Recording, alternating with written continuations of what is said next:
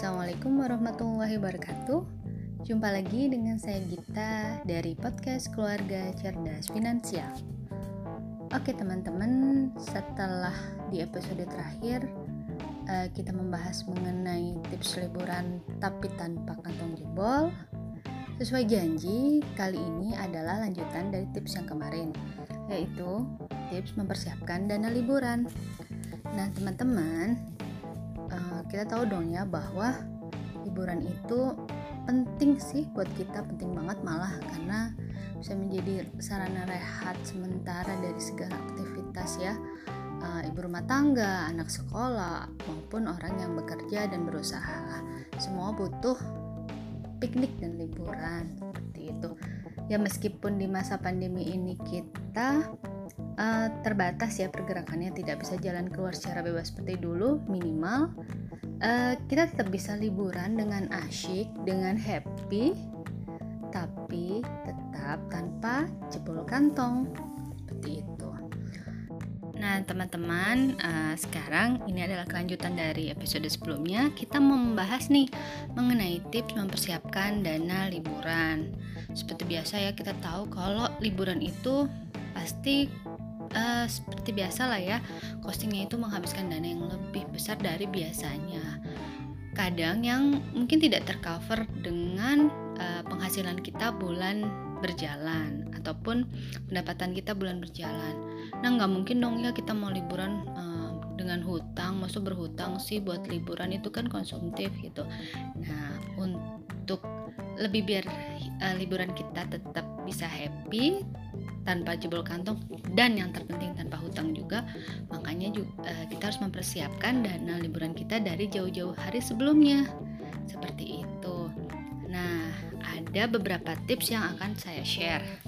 Yang pertama teman-teman tentukan dulu kapan mau liburan. Seperti biasa kalau kita menyimpan dana atau menyisikan dana itu kita harus tahu dulu time frame kita berapa lama. Nah kita misalkan uh, mau menyimpan dana uh, menyisikan dana untuk kita liburan kira-kira 10 bulan lagi. Nah kayak gitu. Itu kan jelas ya. Jadi time frame-nya jelas.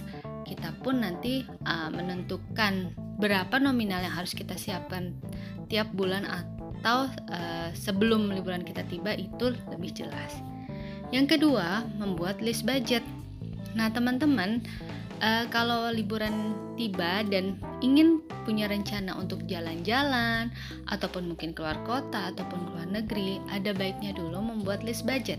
Kenapa? Kalau misalnya kita membuat uh, budget apa aja sih yang uh, kita akan keluarkan dananya untuk liburan itu akan membantu kita dalam uh, menyusun apa ya biaya total biaya yang harus kita keluarkan untuk liburan kita. Nah, bagi teman-teman yang mungkin agenda liburannya adalah jalan-jalan atau keluar kota, nih bisa dimasukkan item-item ini ke dalam budget ya untuk menyusun budgetnya.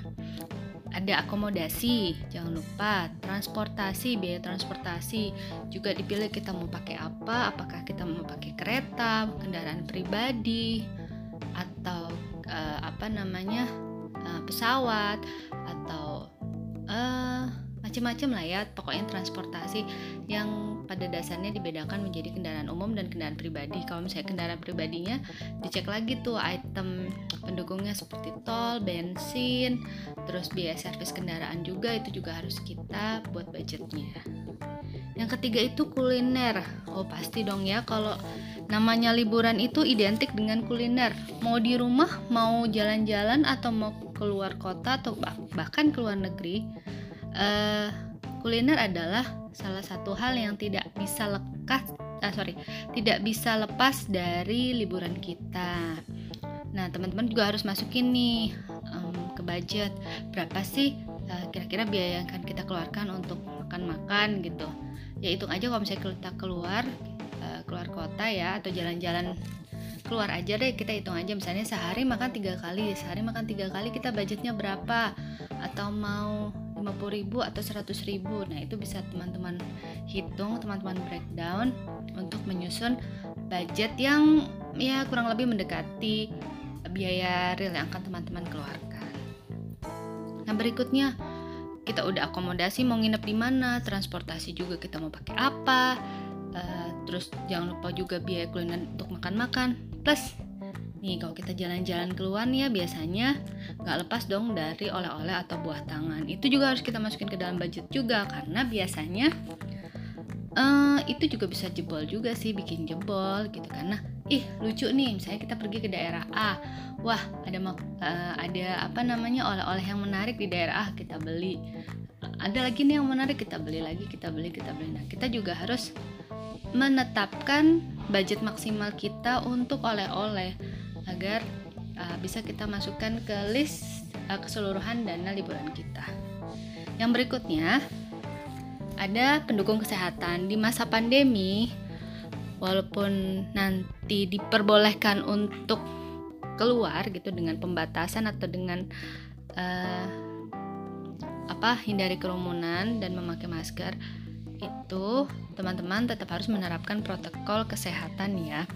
Nah untuk men, uh, ada biaya lain yang akan kita keluarkan juga jika kita keluar rumah ya, yaitu pendukung kesehatan seperti masker, terus obat-obatan, jangan lupa vitamin, jangan lupa juga cadangan maskernya, jangan cuma satu di bawah, tapi ya sesuaikan dengan kondisi lah gitu. Kan sebaiknya masker sering diganti ya, apalagi kalau kita berada di tempat yang banyak orang gitu kan. Kita juga nggak tahu kan misalnya kita habis pegang apa terus bener-benerin masker ya kan berarti kan uh, masker kita ya udah kena juga kan gitu. Kena uh, kotoran dari tangan atau apa pun gitu. Jadi lebih baik diganti gitu. Jangan lupa juga vitamin ya. Kalau keluar rumah uh, bawa vitamin jangan lupa juga bawa uh, minyak-minyakan ya mungkin minyak kayu putih minyak telon kalau punya anak dan lain sebagainya pokoknya alat pendukung kesehatan itu juga harus kita siapkan yang berikutnya yang harus kita masukkan ke dalam budget adalah biaya penunjang lainnya. Nah, eh, kita semua sudah mengeluarkan tuh ya akomodasi transportasi, kuliner, oleh-oleh, dan pendukung kesehatan. Kadang ada eh, biaya tak terduga yang masuk eh, ke, da ke dalam dana liburan kita. Jadi ya entah ternyata tiba-tiba kalau kita pakai kendaraan pribadi tiba-tiba di jalan bannya bocor atau gimana seperti itu. Itu kan kita harus siapkan juga ya. Jadi masukkan ke dalam uh, biaya tak terduga atau biaya penunjang lah biaya lain-lainnya. Itu seperti itu. Ataupun misalnya kita targetnya mau liburan uh, seminggu misalnya tujuh hari ternyata dalam perjalanan uh, ada hal-hal yang membuat kita tidak bisa pulang lebih cepat gitu. Misalnya entah macet di jalan sehingga kita harus menginap uh, di perjalanan ataupun misalnya uh, ada anggota keluarga yang tiba-tiba sakit saat liburan. Nah itu perlu dimasukkan cadangan biaya tersendiri ke biaya lain-lainnya gitu. Jadi tetap liburan kita harus siap dengan uh, biaya tak terduga seperti itu Nah, sudah kita membuat list budget apa aja sih yang kira-kira biayanya akan keluar saat kita liburan? Udah dong ABCDFG, kita ketemu angka. Nah, kita masuk ke tips berikutnya yaitu membuat strategi pengumpulan. Nah, strategi pengumpulan ini digunakan untuk menggenapkan atau mewujudkan dana liburan yang sudah uh, kita rencanakan sebelumnya. Misalnya kita mau liburan keluar kota nih nanti akhir tahun. Berarti kan dihitung dari sekarang sekarang bulan Januari ya kurang lebih sekitar 11 bulan ya lah ya waktu pengumpulan. Nah kita buat strategi tuh kira-kira dalam 11 bulan ini kita ngumpulinnya seperti apa? Apakah kita mengumpulin bulanan harian atau setiap kita mendapatkan rezeki seperti itu.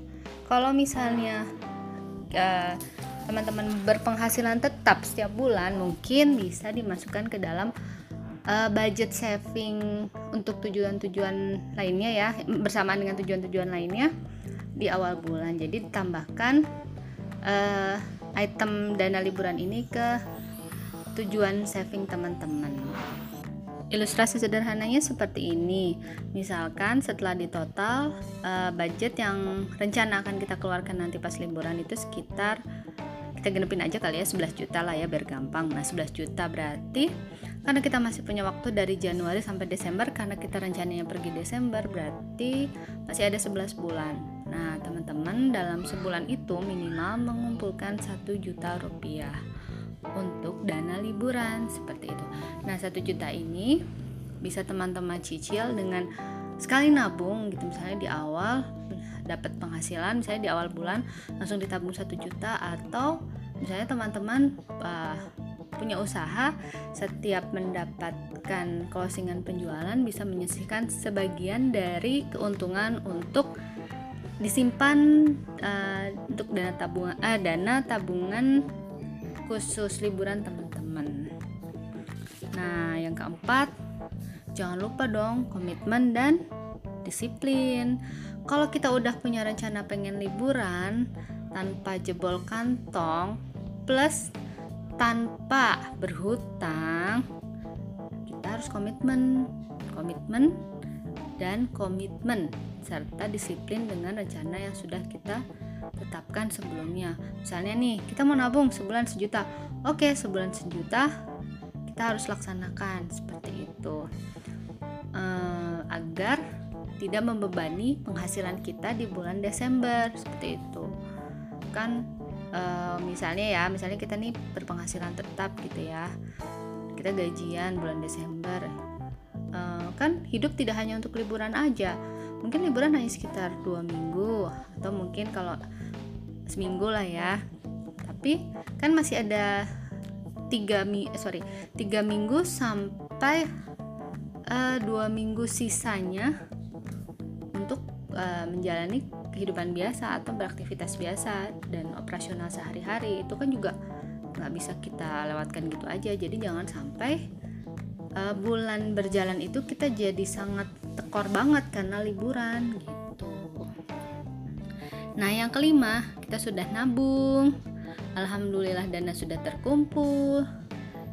Terakhir boleh dong habiskan. Ya karena memang tujuannya untuk dana liburan ya silahkan saja habiskan dana liburannya. Jadi kita bisa menghabiskan dana liburan kita tanpa rasa bersalah gitu.